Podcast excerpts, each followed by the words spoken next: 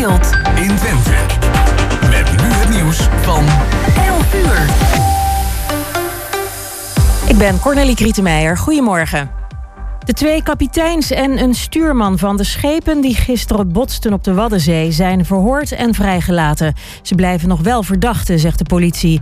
Wat er misging is nog niet bekend. De Onderzoeksraad voor Veiligheid doet onderzoek. Ook wordt nog steeds gezocht naar twee vermiste opvarenden. Intussen zijn de eerste mensen op de bijeenkomst afgekomen die in het gemeentehuis van Terschelling wordt gehouden. Ze kunnen daar informatie krijgen en de burgemeester en ook slachtofferhulp zijn aanwezig om met ze te praten.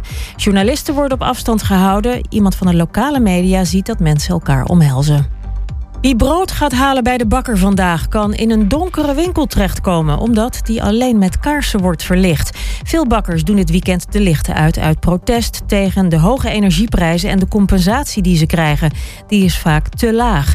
Veel bakkers redden het daarom niet meer en moeten sluiten. En de Oranje voetbalvrouwen hebben onder meer de Verenigde Staten gelood voor het WK volgend jaar zomer. Ze speelden drie jaar geleden de WK-finale tegen Amerika en die verloor Oranje toen met 2-0. Het WK is niet alleen in Australië, maar ook in Nieuw-Zeeland, waar Oranje alle wedstrijden speelt. En dan nu het weer van Weer Online.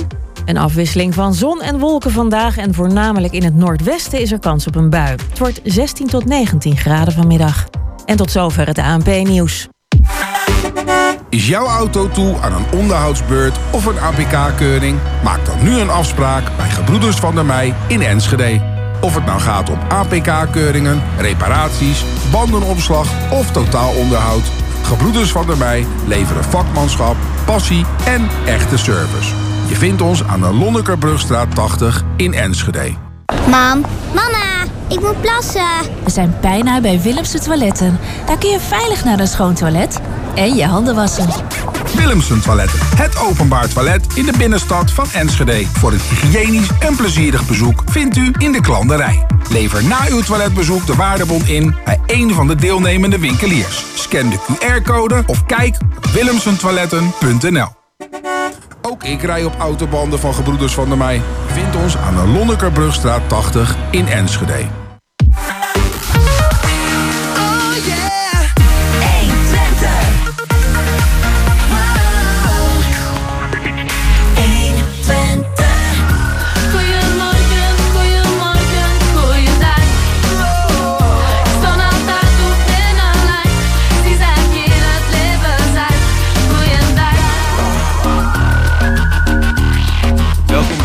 Tweede uur van Goedemorgen Hengelo hier op 120 Hengelo. En uh, tot 12 uur zijn we er uh, weer live met Jos Klasinski, Chris van Pelt, Gerben Hilbrink voor de techniek. En mijn naam is Jan-Dirk Beltman. Ja, en Chris en ik zijn weer uh, terug van ons uitstapje naar Hengelo Promotie. Zeker, ja. de, de bouwput van, de, van het Marktplein, dat begint nou inderdaad wel vorm te krijgen. Er komt nou echt lijn in. Het is wel leuk om te zien de vooruitgang. Als je dan eens in de week, eens in twee weken kijkt. Je ziet duidelijk verschillen, hè? Ah, jawel. Dat gaat, ja. gaat met, met sprongen vooruit, inderdaad. dit tweede uur, wat hebben we nou, we hebben, die zit inmiddels al op de publieke tribune. Dat is Jolanda van Tellegen. Met haar gaan we praten over ja, waar ze al heel lang met uh, ziel en zaligheid mee bezig is. En dat heet uh, Skik Twente. En wat Skik Twente inhoudt en wat ze allemaal doen, dat gaan we zo meteen met, uh, gaan we van haar horen. Ja, als ik de beelden voorbij zie komen, denk ik van wauw, heel erg goed bezig voor een fantastische doelgroep. Oké, okay, straks meer daarover met Jolanda van Tellegen. Mm -hmm. En um, ja. ook Aart André op bezoek. Ja, die uh, heeft al twee boeken geschreven. Um, hij geeft ook aan, hij wil graag uh, Twente promoten... of eigenlijk uh, meer bekendheid geven aan hoe Twente eruit zag... ja, vroeger en vooral in de, tijdens de 80-jarige oorlog. En dat doet hij dan niet per se door echt een droog geschiedenisboek te schrijven... maar hij probeert dat dan in romanvorm te breien. En ja, hoe hij dat dan precies doet van zijn afgelopen twee boeken... nou, daar gaan we natuurlijk uitgebreid over vragen.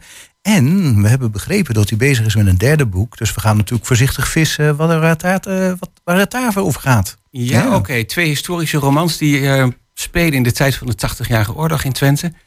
Uh, en natuurlijk bellen we met Mirella Jellema van de Schouwburg voor de agenda. En we beginnen met muziek Rick James.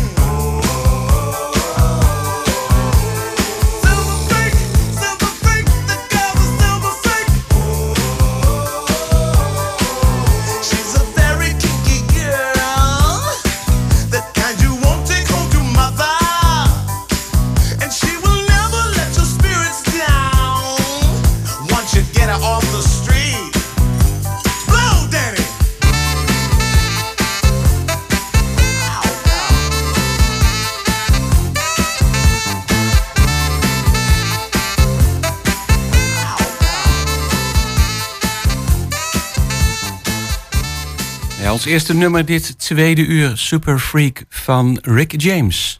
Ja, eh, en we gaan nu praten met Jolanda van Telligen. En, eh, ziel en zaligheid helemaal liggen in Skik in Twente. En als we het hebben over het woord Skik, dan, heb, dan denk ik altijd aan een bult lol hebben. Ja, dat is de ene kant van, eh, van de medaille. Eh, en aan de andere kant van de medaille is dat je mensen heel veel plezier wilt bezorgen. Eh, Jolanda, je bent vaker, vaker te gast geweest bij ons. Eh, maar kun je toch eh, even aan de luisteraars uitleggen... Wat eigenlijk, waarvoor zijn jullie opgericht en wat is een beetje de achterliggende gedachte bij Skik in Twente? Skik in Twente bestaat sinds eh, oktober 2014. En met het doel dat we dachten van, weet je, er zijn zoveel gezinnen die het zwaar hebben. De mantelzorggezinnen die 24 uur per dag de zorg van hun kinderen hebben. Volwassenen. En ehm, dat die nodig een keer op vakantie moeten gaan. En deze gezinnen, dat zie je dus ook, die, die, eh daar is minder inkomen omdat die zorg heel veel aandacht vraagt. Ze hebben minder financiën, dus juist die gezinnen eh, in de mantelzorg eh, zonder financiële middelen, die bieden wij een vakantie aan. Ja. En Skik is dan inderdaad, zoals jij het zei, van Schik, Skik, een beetje, een beetje Twents. hè, schik, veel plezier hebben, lol Ja. hebben met elkaar. Dus, Precies, lol hebben met elkaar. Ja, Ja, Want nou, het is natuurlijk wel een hele mooie onderbreking voor een gezin waar niet zoveel mogelijkheden zijn om een keertje uit te kunnen. nou je moet je niet vergeten dat er soms gezinnen zijn die mij echt aanklampen en, en huilen. En tegen mij zeggen, Jolanda, we zijn nog nooit op vakantie geweest. Zij kennen niet het, het vakantiegevoel. Terwijl de Nederlanders, eh, eh, de, de populatie, die gaan het vaakst op vakantie. Eh, gemiddeld genomen. als Gemiddeld bevolking. genomen gezin in Nederland, eh, de werkende mensen, gaat in Nederland het vaakst op vakantie. En dan, zijn, en dan kun je je niet voorstellen dat er gezinnen zijn die nog nooit op vakantie zijn geweest. Nog nooit. maar een van de dingen die mij eh, bij het woord mantelzorger altijd te binnen schieten, en ook als je mantelzorgorganisaties eh, spreekt, is dat mantelzorger eigenlijk zichzelf wegcijfert. Ja, dat klopt. Ik doe het omdat het gewoon Ze zo doen, hoort. alles, ze doen alles voor de gezondheid van, van, nou ja, van hun familielid. Eén op de vier kinderen komt ook in aanraking met eh, mantelzorg. En je, zult je, eh, je kunt je indenken dat als je uit een gezin bestaat met vier kinderen en één kind is mantelzorger, die heeft gewoon 24 uur per dag mantelzorg nodig, dat die Mm. andere kinderen allemaal op tenen moeten lopen. Hè, om toch maar, zeg maar zo goed mogelijk eh, in, in de pas mee te gaan met het gezin. En alles draait natuurlijk om dat, om dat beperkte of chronisch zieke kind. Maar en dat ja, gaat dan- 24 uur door. Je, Je kunt niet ziet zeggen, heel vaak dat eh, deze mensen dus komen niet direct op voor zichzelf, want ze Nee. zijn er voor hun Nee. gezin. Er is heel veel schaamte. Eh, ja, en Is dan heel denk ik van hoe groot moet die stap zijn naar eh Skik in Twente? Ja. Om te zeggen van Jolanda, gun ons die vakantie. Ja, Dat volgens, doen ze dat op die niet. Nee, hè? Nee, want de, de gezinnen kunnen zich niet zelf aanmelden. En eh, het zijn vaak dan eh, de, de hulpverleninginstanties om hun heen eh, die hun dan voordragen. De WMO-consulenten uit eh, heel Twente, die weten ons te vinden. Maar ook zeg maar het ziekenhuis waar een operatie plaatsvindt. Van, van, van- nou ja, of via het roezing Mhm. of een ander soort, soortige in, eh, instantie. Ah, ja. En zij melden zich dan bij ons aan. En ons bestuurslid eh, die de zorg eh, onder haar hoede heeft... die gaat dan samen met het gezin en met die voordrager...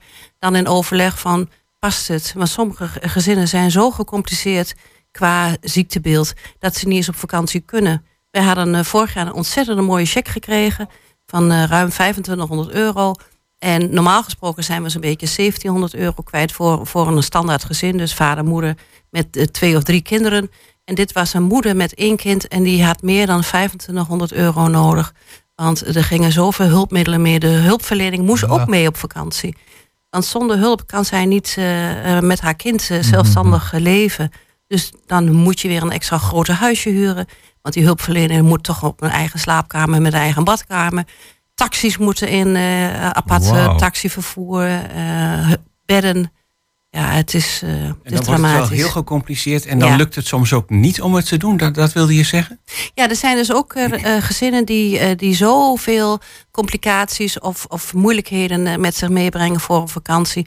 Dat ze zeggen, ja, het lukt gewoon niet, het kan niet. En is dan iets anders te bieden aan, aan zo iemand? Nee, Nee, jullie Nee. gaan echt over wel Wij proberen vakanties. zoveel mogelijk gezinnen. Ons streven is altijd, onze missie is om 20 gezinnen jaarlijks op vakantie te sturen. En die gaan altijd in, in vakantieperiodes. Want er zijn natuurlijk ook andere kinderen in het gezin die gewoon naar regulier onderwijs Mhm. gaan. En die gaan ook allemaal mee. En wij komen dit jaar op 19 gezinnen. Maar we hebben dus wel eens eh, gezinnen, eh, nou ja, samen dan met, met de hulpverlener, ehm, heb- hebben we besproken van ja, het lukt gewoon niet. Er is een te groot ziektebeeld. Maar er gaan dus wel gesprekken aan vooraf. Ja. Want het is dus niet zo dat jullie op een gegeven moment een gezin in beeld hebben eh, van die en die. Die zouden het waanzinnig waarderen. Ja. En als een soort Sinterklaas naar voren komen van we hebben een surprise voor jullie, jullie mogen op vakantie. Nee, Zo werkt het zo niet. werkt het niet. Het, Nee. het zijn eh, de hulpverlenende instanties hier in Twente die ons weten te vinden en die eh, nou ja, gezinnen voordragen. Hm. Gezinnen mogen ook dus maar één keer per, nou ja, één keer eh, op vakantie. Ja, en als je de, de, de recensies leest van die gezinnen, dan, dan, dan hou je het niet droog, moet Nee, ik eerlijk De, zeggen. spra- de, de, tanen, de Ja, tranen ja. springen je in de ogen. Wordt ook heel vaak aangeklampt. Of, of, of dat moeders eh, tegen mij zeggen: Ik ben nog nooit op vakantie geweest. Ik heb nog nooit zoveel geld in de portemonnee gehad. Want ze krijgen dus ook altijd eh, wat zakgeld mee op vakantie. Mm. En dat ze niet hoeven te tellen van hoeveel geld heb ik nog over om deze week te, te besteden aan, aan, nou ja, aan de boodschappen. Ja, en dat zal alleen maar erger worden, omdat natuurlijk de hele samenleving eh verhardt. Het wordt moeilijker, de boodschappen, alles wordt duurder. Dus voor die gezinnen wordt het nog moeilijker om nog eh, nou ja, een beetje normaal bestaan te leiden. Ja, zeker. En Jos zei van eh, reacties. Kun je eens een paar voorbeelden noemen van wat mensen dan zeggen? Ja, je zei net van, we waren nog nooit op vakantie geweest. Nooit maar op hoe, vakantie geweest. hoe ja. of ze dat beleefd hebben zo eh, als gezin? Ja, fantastisch. Want als ze op vakantie gaan, een midweekse vakantie, dan krijgen ze dus zeg maar eh, ook een, eh, een, een boodschappenpakket staat voor hun klaar. Maar iedere ochtend ook eh, een ontbijt wordt hun geleverd. Ze krijgen zakgeld om dan een maaltijd van, van te kopen. Ze gaan naar eh, avonturenpark of ze gaan naar een dierentuin. Ze worden echt in de watten gelegd. En sommige mensen, zoals ik al zei, die zijn er nooit op vakantie geweest. Dus ook nooit in een avonturenpark of in een dierentuin.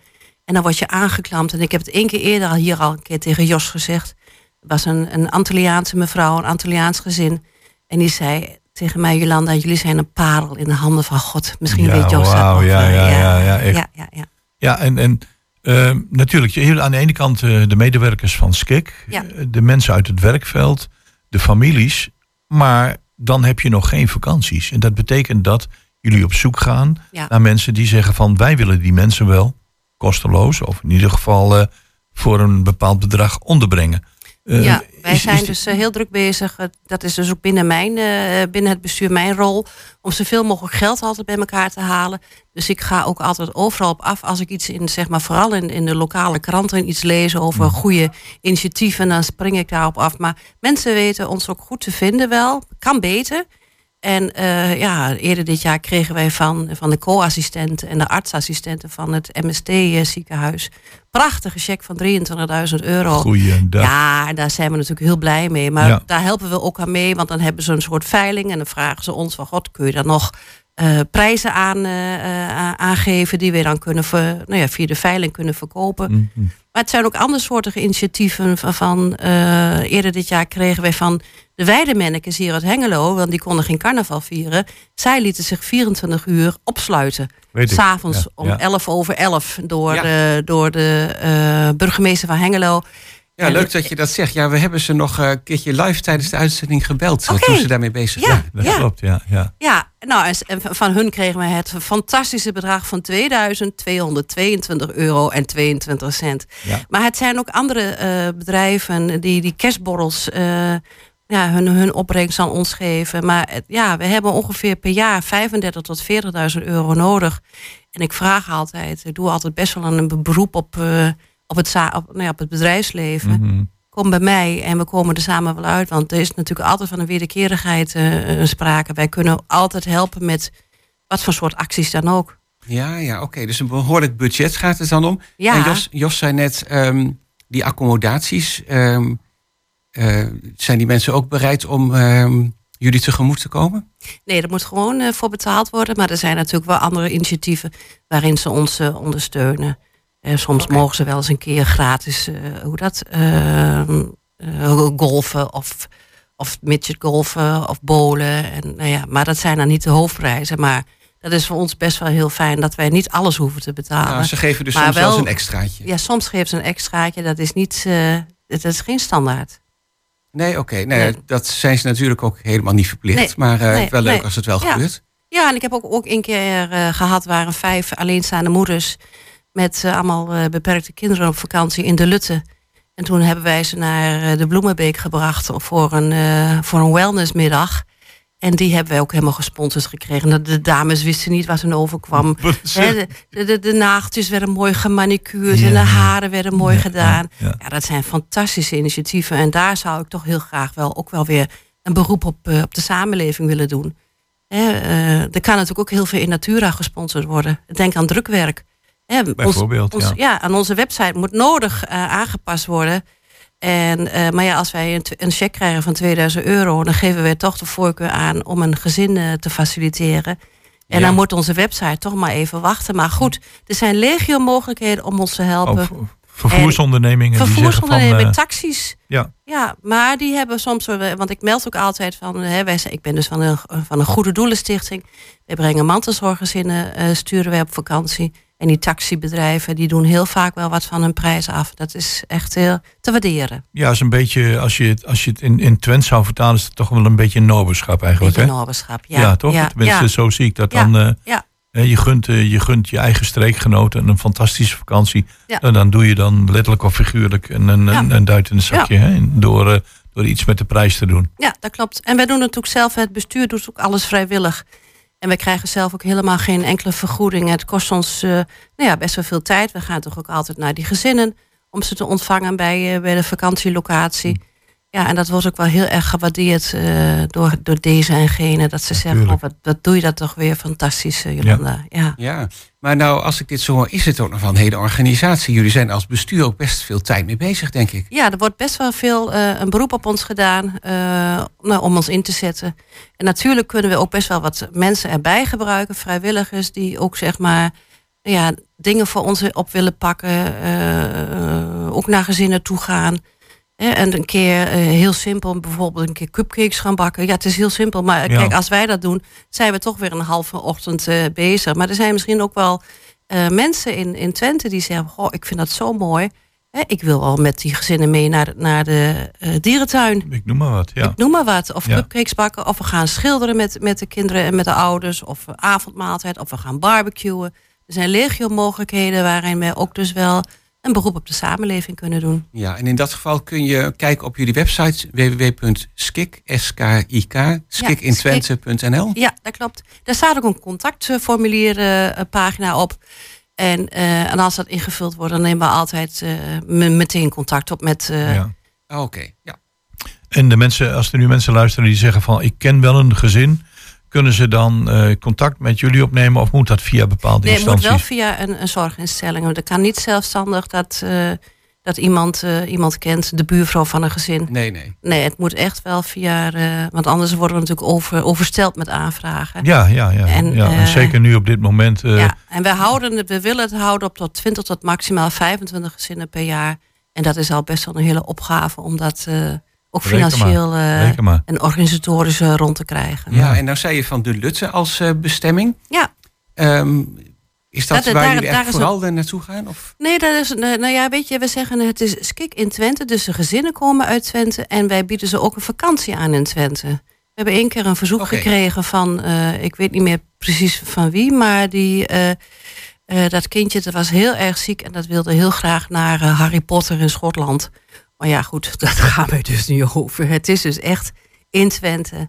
De gezinnen uit eh, Twente en de, en de vakantiemogelijkheden ook in Twente. Oh Ja. ja. En er zijn ook heel veel gezinnen die zijn nog nooit op vakantie geweest. Die geven de voorkeur aan om apart op vakantie te gaan. Dus dan krijgt ze een eigen huisje. Maar er zijn ook gezinnen en die willen graag lotgenoten eh, eh, met elkaar delen. Het, het lief en leed. En die willen heel graag in een groepsaccommodatie. Dan heeft iedereen natuurlijk wel zijn eigen eh, slaapkamer en sanitair. Maar dan heb je een hele grote woonkamer en keuken. En dan spelen de kinderen met elkaar. En de ouders kunnen dan ook heel veel dingen met elkaar overleggen. Ja. Oh ja, kijk, Wordt heel zijn erg gewaardeerd. Verschillende Ja, mogelijkheden. het zijn dus. verschillende mogelijkheden. En eh onze bestuurslid eh, Zorg, die dan de intakegesprekken met de gezinnen heeft, die vraagt dan op aan de gezinnen van goh, Wat willen jullie zelfstandig of willen je met, eh, met een, in een groepsaccommodatie? Mm. En er wordt ook altijd gevraagd van mogen we foto's van jullie op, eh, op Facebook zetten? En een aantal gezinnen die, eh, die wil dat niet, want die heeft te veel schaamte. Dat ze een vakantie aangeboden krijgen. Het is wel zo dat als mensen jullie Facebook-site raadplegen, Ja. dan word je als het ware naar binnen gezogen Ja. door die prachtige verhalen en Ja. die toch ontroerende foto's. Ja, nee, dat klopt. En, en wij, eh, de gezonde mens, die kijkt er heel anders naar. En die denkt van, goh, maar als je daar één keer zoals ik nu ook dan bij betrokken ben al zes jaar, dan, dan raakt het je. En dan kijk je om je heen en dan denk je van, goh, wat doe ik nou toch moeilijk? Misschien ben ik wel wat te dik. Ik ben Ja. hartstikke gezond en Ja. heel erg gelukkig. En er zijn zoveel gezinnen die iets extra's kunnen gebruiken. En die willen wij heel graag eh, helpen. Goed, Jolanda van Tellegen, skiktwente.nl. Fijn dat je even weer bij ons in de Goed studio zo. was. Succes met je Jullie ook werkzaamheden. bedankt, hè? Ja, dankjewel, dankjewel. heren. Dankjewel.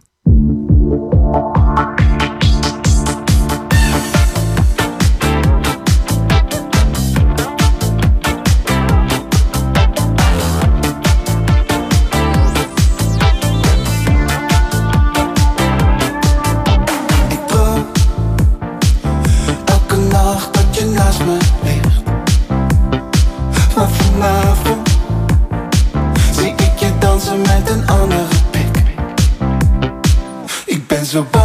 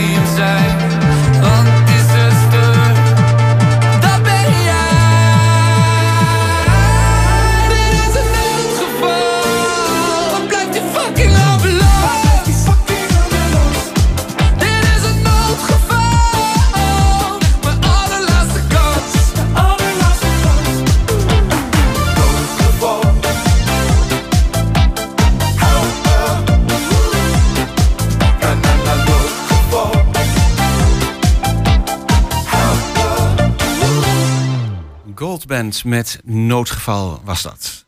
Ja, en dan hebben we nu in de studio eh, de heer, ah, ik wou zeggen meneer Aart, maar Aart André de Goede. Eh Aart André eh, gaan we je noemen. We gaan het u tweeëren. Ja, helemaal prima. Helemaal Ja, fijn. Fijn dat je weer in de studio bent. Eh, dankjewel. je bent er alweer voor de derde keer. Ja. Eh, je hebt ondertussen twee boeken eh, uitgebracht, of twee historische romans. Een waanzinnige reis en Het Verraad in de Burgt Almelo. Jawel. En we hebben ondertussen gehoord dat je bezig bent met een derde boek. Dat klopt. En die is, ehm, ja, het speelt zich allemaal af in de 80-jarige oorlog, hè? Ja, klopt. Ja. Ja. En ehm, ja, we hebben net een voorgesprek gehad. Aart, die kan fantastisch vertellen. Ehm, ja, waarom ben je eigenlijk aan die boeken begonnen? Laten we daar eens mee beginnen. Ja, dat begon eigenlijk eh, in 1995 eh, toen de fundering van het eh, Huis Hengelo werd blootgelegd. Ja, want Ja. daar zat ook je drive. Hè? Je denkt Ja. van, hé, die fundering wordt blootgelegd. Ja, en klopt. Wat gebeurde er toen in je? Ja, ja dan denk ik, eh, daar kan ik wel iets mee doen. Dat, dat intrigeert mij en ik kan er wel een verhaal over schrijven. Alleen, ik was in mijn werk toen zo druk dat ik daar geen tijd voor had. En vele jaren later, in, in 61, 62, eh, nee, dat zeg ik niet goed. En toen ik dus 61, 62 was, kreeg ik het idee van, ik ga daar een verhaal over schrijven.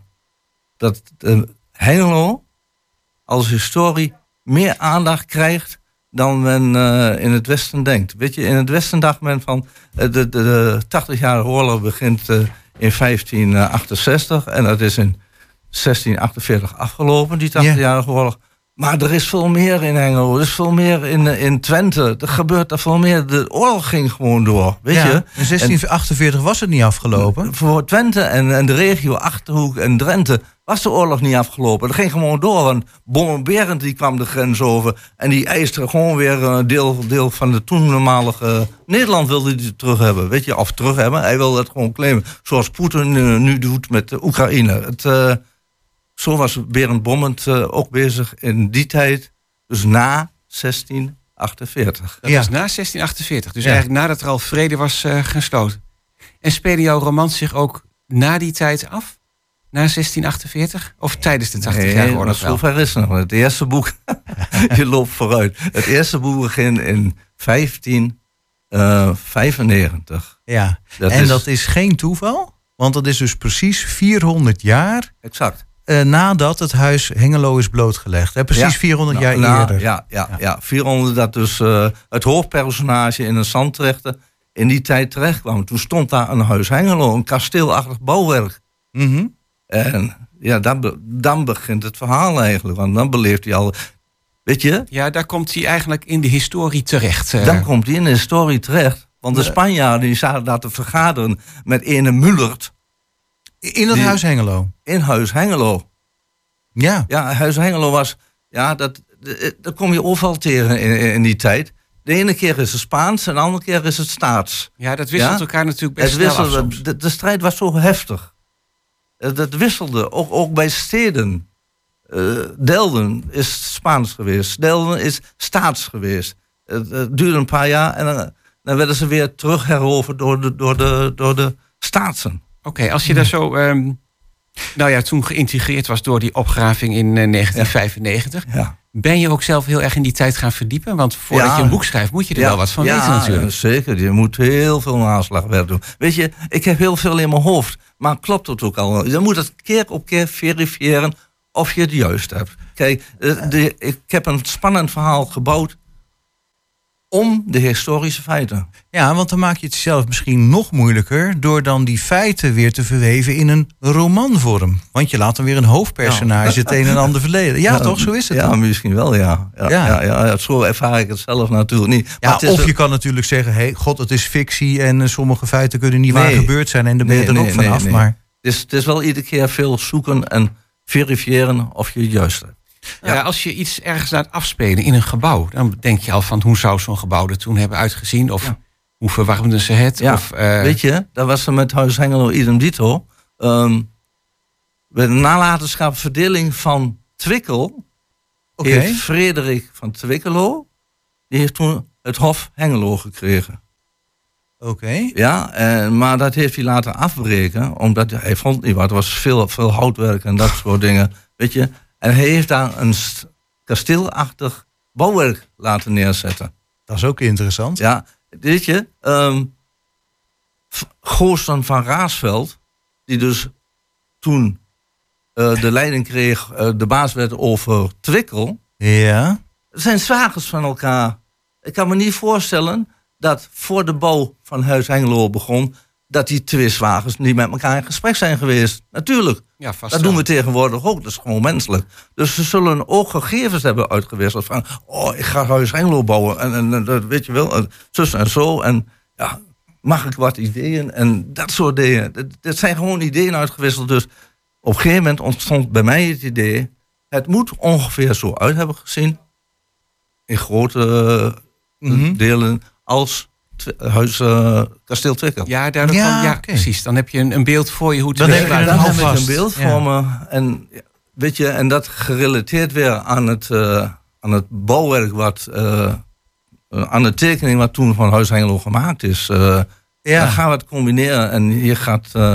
eh, nou heb ik nog wel een interessante vraag. Nou we hebben het inderdaad over het huis Hengelo. Hij heeft dus blijkbaar ook een rol gespeeld in die 80-jarige oorlog. ja, Ehm, onderweg naar de vrede van Münster is dus ook eh, on- onderweg in de reis naar Münster is ook een tussenstop eh, in het huis Hengelo geweest van wat is het ook alweer?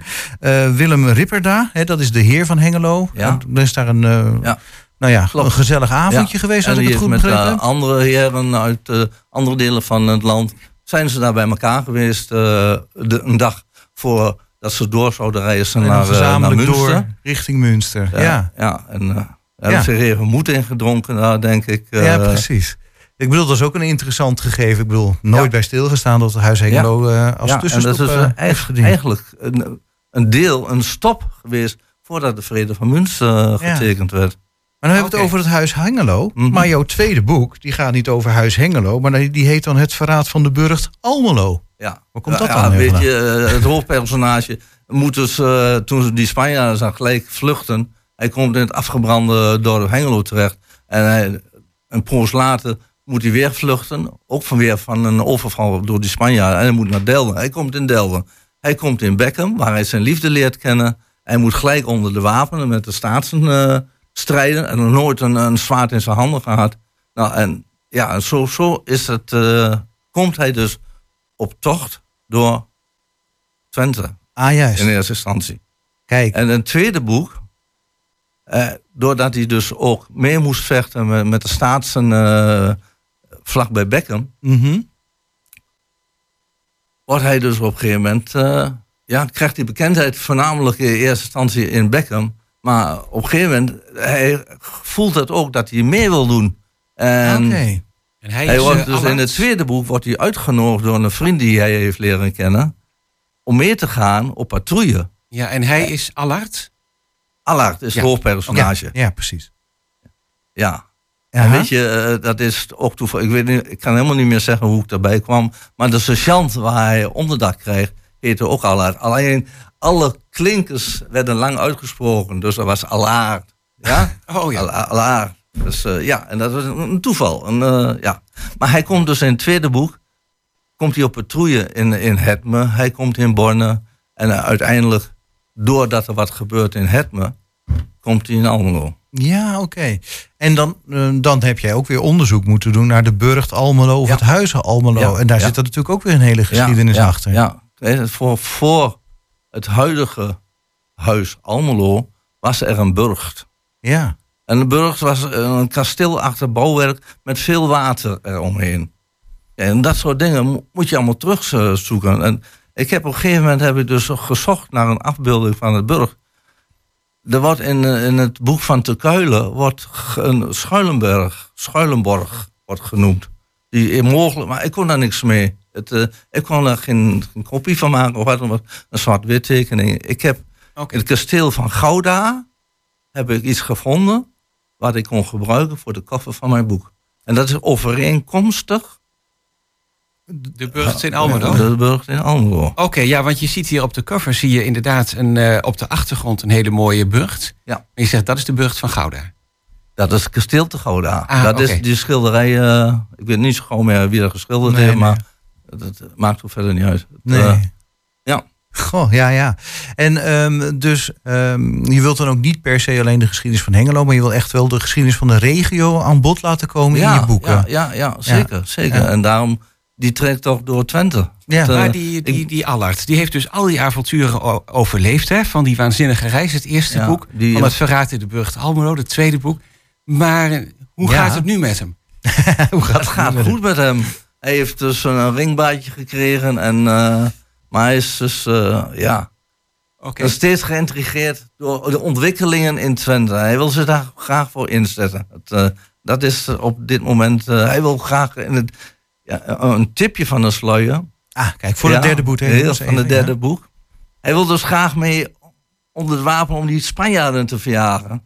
En er staat weer wat er, er stond bijna elke dag wat er gebeurde. Wat heftige tijd, hè? Ja, het was wel een En de- enerverende tijd, Echt een heftige tijd. Je was je leven niet zeker, hoor. Vooral als de Spanjaarden in de buurt waren. Mhm. En ja, hij wil. Maar door de sergeant zegt. Je weet wat we afgesproken hebben in het eerste boek. Jij zou hier in huis komen om als beschermheer voor mijn gezin te dienen. Weet je, dat was in een tijd zo. Hè? Oh, je, ja. had, je had geen consensus. Nee? Je- De, de- de mensen uit de buurt die onder de wapen waren, die konden als de strijd gestreden had, gewoon weer terug naar hun huis. Hm. Oké. En zodoende was Allard te gast eigenlijk. Maar ja, hij werd verliefd op de schoonzus. Oh jee. En eh, op een gegeven moment is dat eh, gebleven. Want de schoonzus was al een dergelijke leeftijd dat, eh, ze, dat ook sergeant en zijn vrouw vonden van. Zij vooral van, mijn zus mag wel een keer aan de man komen, weet je wel. Dus nou zo, zo, zoveel. Mm. Dus ze waren blij dat Allard er was. En dat, hij dus, dat er een liefde ontstond. Daar Vandaar een dat hij nog romantisch, steeds eh, in dat huis verblijft. Is ja, er al iemand... romantisch eh, eh, moment in het verhaal? eh, Ja, natuurlijk. Oké. Het het is menselijk allemaal, toch? ja. Zeker. Nou, nou, nou ik dat zo hoor, heeft er zich al iemand gemeld om jouw boeken te gaan verfilmen? Te verfilmen. Ja, wordt wel hoog tijd als ik dat zo hoor. Dat is toch een Ja. ontzettend. eh, er Ja. gebeurt ontzettend veel in je boeken. Nee. Het zou ook wel heel beeldend zijn, hè? ook met kleding en kostuums en zo. Ja, ja, ja. Maar ja, goed, in een boek probeer je natuurlijk gewoon te beschrijven. Dat de lezer het voor zich ziet. Mhm. De reacties die ik krijg van dat, dat het te levendig is en dat je meegetrokken wordt in het verhaal. En daar doe ik het voor. Dat mensen het beleven hoe het toen de tijd hier was. Dat, Ja. dat is mijn intentie. Oké, dan hebben we al een paar keer het derde boek genoemd. Ja. Mhm. Heb je al een werktitel? Of misschien al wel helemaal nee, een titel? Nee, nee, nee, titel heb ik nog niet. Weet je, eh, titel ontstaat bij mij pas als het verhaal klaar is, als het boek geschreven is. Ja, dat kan Eh, heel maar goed, Dat, dat, ja. is, dat is ook nog een punt. Wanneer is het eind? Dat wist ik bij het vorige boek ook niet. Wanneer moet je er een eind aan eh, breien? Dus Hm. op een gegeven moment zoek ik naar een, een, een hiaat in, in de historie, een, een, Ja. een ruimte. Dan denk ik, nou moet ik het maar afsluiten. Er zijn zoveel pagina's, dus ik moet het nu maar afsluiten. Ja, Dus Zo werkt het eigenlijk. Tenminste bij mij. Ja, en, en dan komt er weer ideeën voor je vierde boek eh, misschien. Je loopt wel heel erg vooruit. Of ga je hem Ja, als, eh, als trilogie? Dat kan natuurlijk ook heel goed. Ja. Nou ja, ik zeg het ook van, eh, de, de, zeg maar je eerste twee boeken en ook het derde boek, die spelen zich eigenlijk maar af in een periode van twee à drie jaar. Ja, je begint klopt. in 1595 Ja. en je bent dan na drie boeken nog niet veel verder dan 1597. Nou, dan zijn we net halverwege die 80-jarige Ja. oorlog nog niet eens. Ja, ja. Weet je, eh, ik word meegetrokken in het verhaal, hè? Uh-huh. Ja, ik- ik- er gebeurt iedere keer wat. Ik heb een, een, een, een hoofdstuk geschreven en denk, ja, ik moet verder met... Maar ik wil nog iets vertellen waarom het verder moet. Het, eh, Ja, ja, ja. Maar dat is in het menselijk leven ook zo. Dus het- je beleeft elke dag wat en dan denk je, hé, hey, daar moet ik morgen mee verder. Ja, zo gaat het dus Ja, in, mijn boeken ook. nou eigenlijk de baas? Is dat Aart André of is dat het verhaal inmiddels geworden?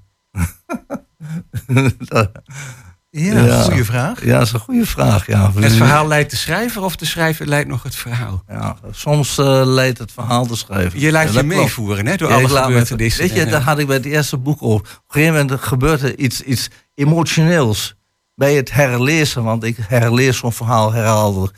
Om ook de fouten eruit te halen. Ik werd bij die bepaalde passage elke keer ontroerd. Door mijn eigen... Nee, hoe is het mogelijk, of niet? Ja, Sophie, je hebt het zelf geschreven, maar... Ik heb zelf geschreven, toch ontroerd, ontroeren, bepaalde passages ontroeren mij. Ja, Ja, dat is Ah, heel dat is- opmerkelijk. En dat, heel mooi. dat geeft je ook weer een kick om daar meer door te gaan natuurlijk. Ja, dat is wel bijzonder. En al enig idee wanneer de laatste punt gezet gaat worden? Nee. Ja, hoe, ja, hoe ver Nee. ben je eigenlijk met je derde boek? Ja, Bij het schrijven kan ik nooit zeggen wanneer het af is. Dat vroeg me laatst. En wanneer kun je... Dat weet ik nog niet. Maar heb je al het idee dat je überhaupt al halverwege bent? Of ben je net begonnen? Eh. Nee, nee. Ik heb al het, ehm, ben nog niet helemaal halverwege. Maar dat, dat nadert al ras. Oké. Nou, en als die af is, dan kom je er eh, bij ons over vertellen. Zullen we dat afspreken? Dan gaan we je zeker weer uitnodigen. Oh, helemaal goed. Oké, dan gaan we doen. Nou, Aard André, dankjewel eh, dat je hier in de studio wilde komen. En eh, ja, de boeken zijn nog steeds te kopen. Een waanzinnige reis en het verraad in Burgt Almelo. Eh, te, te verkrijgen bij Boekscout Uitgeverij. En ik zie ook, ook bij bol.com. Ook en bij de boekhandel. Ja hoor, overal. Graag tot de volgende keer. Dankjewel. Dankjewel.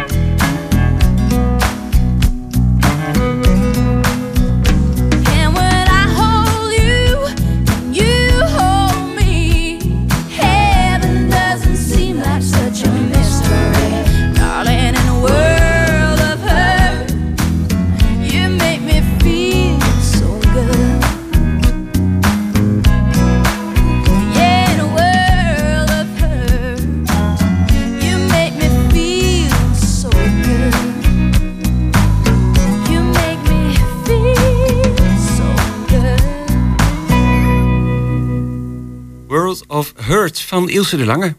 En dan gaan we naar Mirella Jellema van de Schouwburg Hengelo. Goedemorgen. Goedemorgen. Ja, ja, goedemorgen. We hebben je een paar weken gemist, maar je bent er weer in de uitzending. Helemaal eh, eh, gezond en wel? Zeker. Ja, bent ook niet ziek geweest, hè? Daar eh, gaat even niet voor alle duidelijkheid. Nee, dat klopt. Dat, nee, het gaat, gaat heel goed. Dus ja. Dat, nou ja, en hoe gaat het met de voorstellingen de komende week? ja, daar gaat het ook goed mee. Nou, fijn om te horen. Ja, we zijn eh, ja, heel tevreden dat iedereen de weg weer terug weet te vinden naar onze Schouwburg. Dus de zalen zitten lekker vol. Dus dat eh, zijn we heel blij mee. Nou, dat is altijd een goed teken, eh, lijkt mij. Ja. voor we met de voorstellingen beginnen, er is meteen vanmiddag om twee uur een rondleiding van schouwart. Hè? Misschien kunnen we daar nog wel heel even aandacht aan besteden. Ja, dat kan zeker. ja, Schouwart is, de, is een nieuwe stichting die inderdaad de beeldende kunst een plek wil geven in Hengelo. Dat is natuurlijk lang een discussiepunt geweest. Eh, zij hebben inderdaad eh, bij ons in het gebouw eh, een aantal ruimtes tot hun beschikking waar ze hun exposities kunnen vertonen. Dat is in de vierde, bij de vensters, eh, in, de, in de atelier, dat is een foyer boven. En ze organiseren op zaterdagmiddag altijd rondleidingen.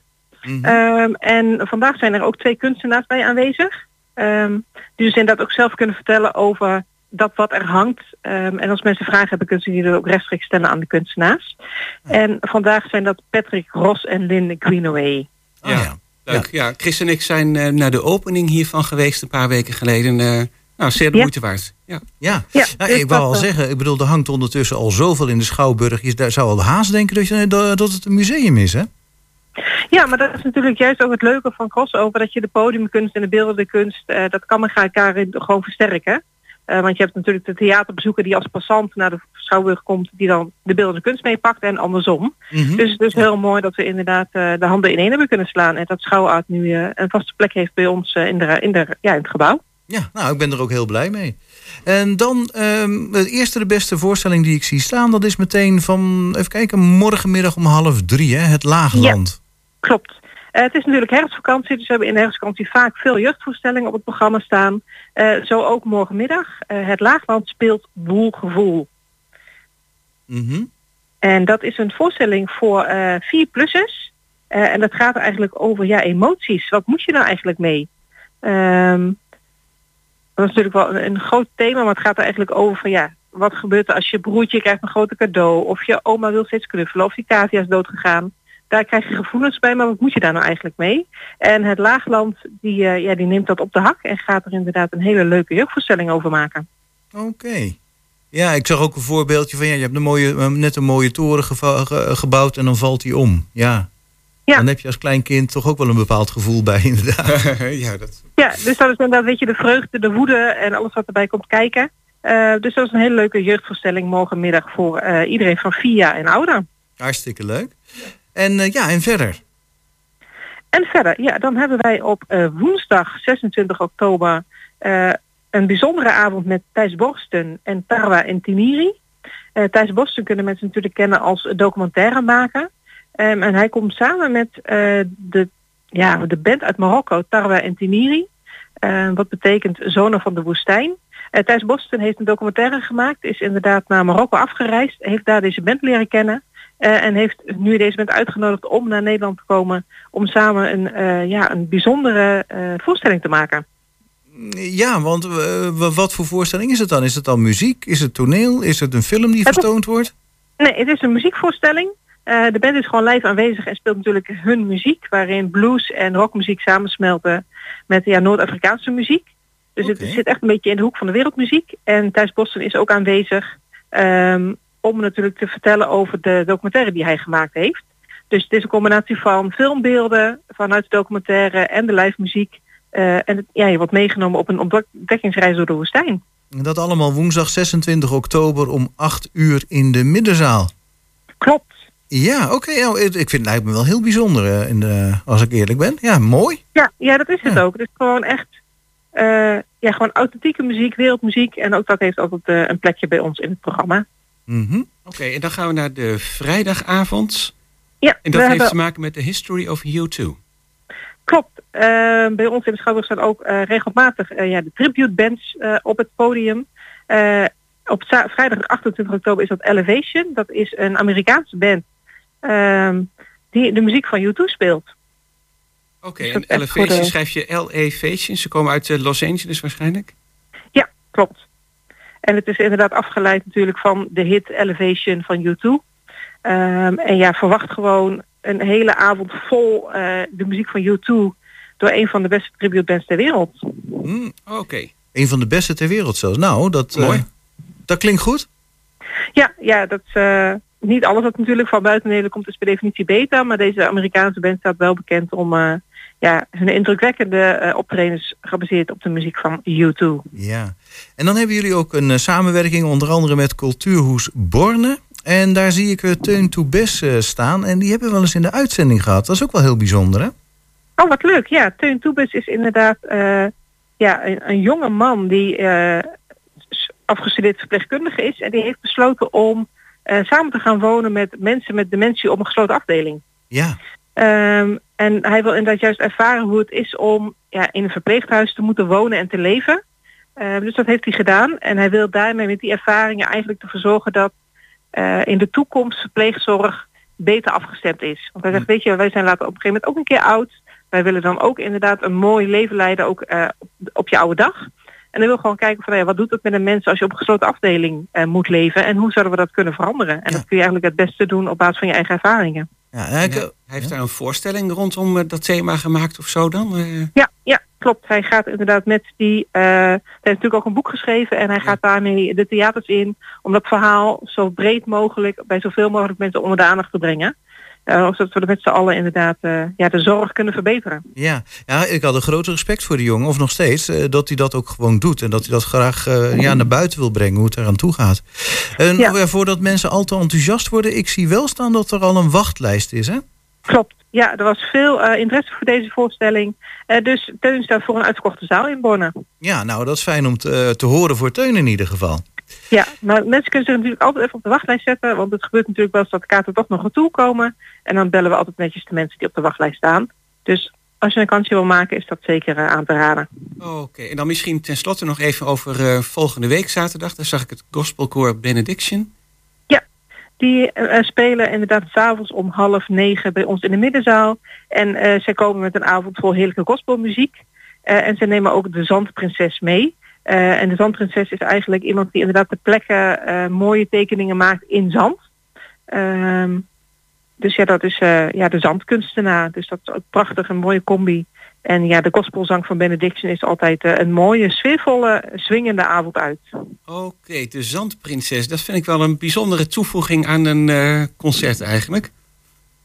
Ja, dat is het ook. Het is natuurlijk dat je ook iets toevoegt dat je niet alleen geniet met, eh, met je oren, maar dat je daarnaast ook nog wat kan zien. Dus er worden ter plekke eh, tekeningen gemaakt op basis van de muziek die gezongen wordt. Ah, oké, zo moet je dat eh, voor je zien. Nou, dat, Ja. dat geeft inderdaad wel een bijzonder accent eraan. Ja, zeker. Nou, dan zou ik zeggen, dankjewel voor je toelichting over de komende week. Veel plezier bij, bij alle voorstellingen. Ja, dankjewel. En dan heel graag tot volgende keer. Tot volgende week. Bedankt. Goed weekend. Dank je. Jij ook.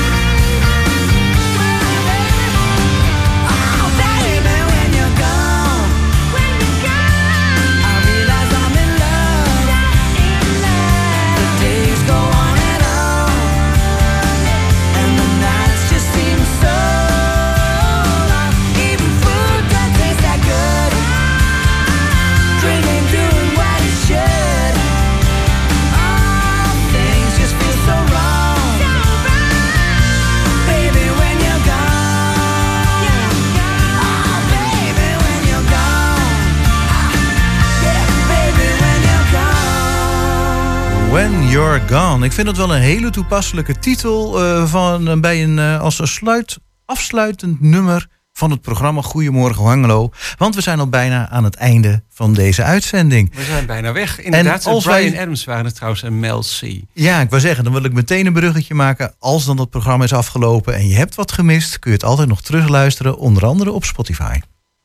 Ja, dat kan zeker. Eh, Daar kun je terecht eh, ehm, via Spotify, maar ook eh, via de website eh www.120.nl. En dan staat er bij ons programma een linkje naartoe.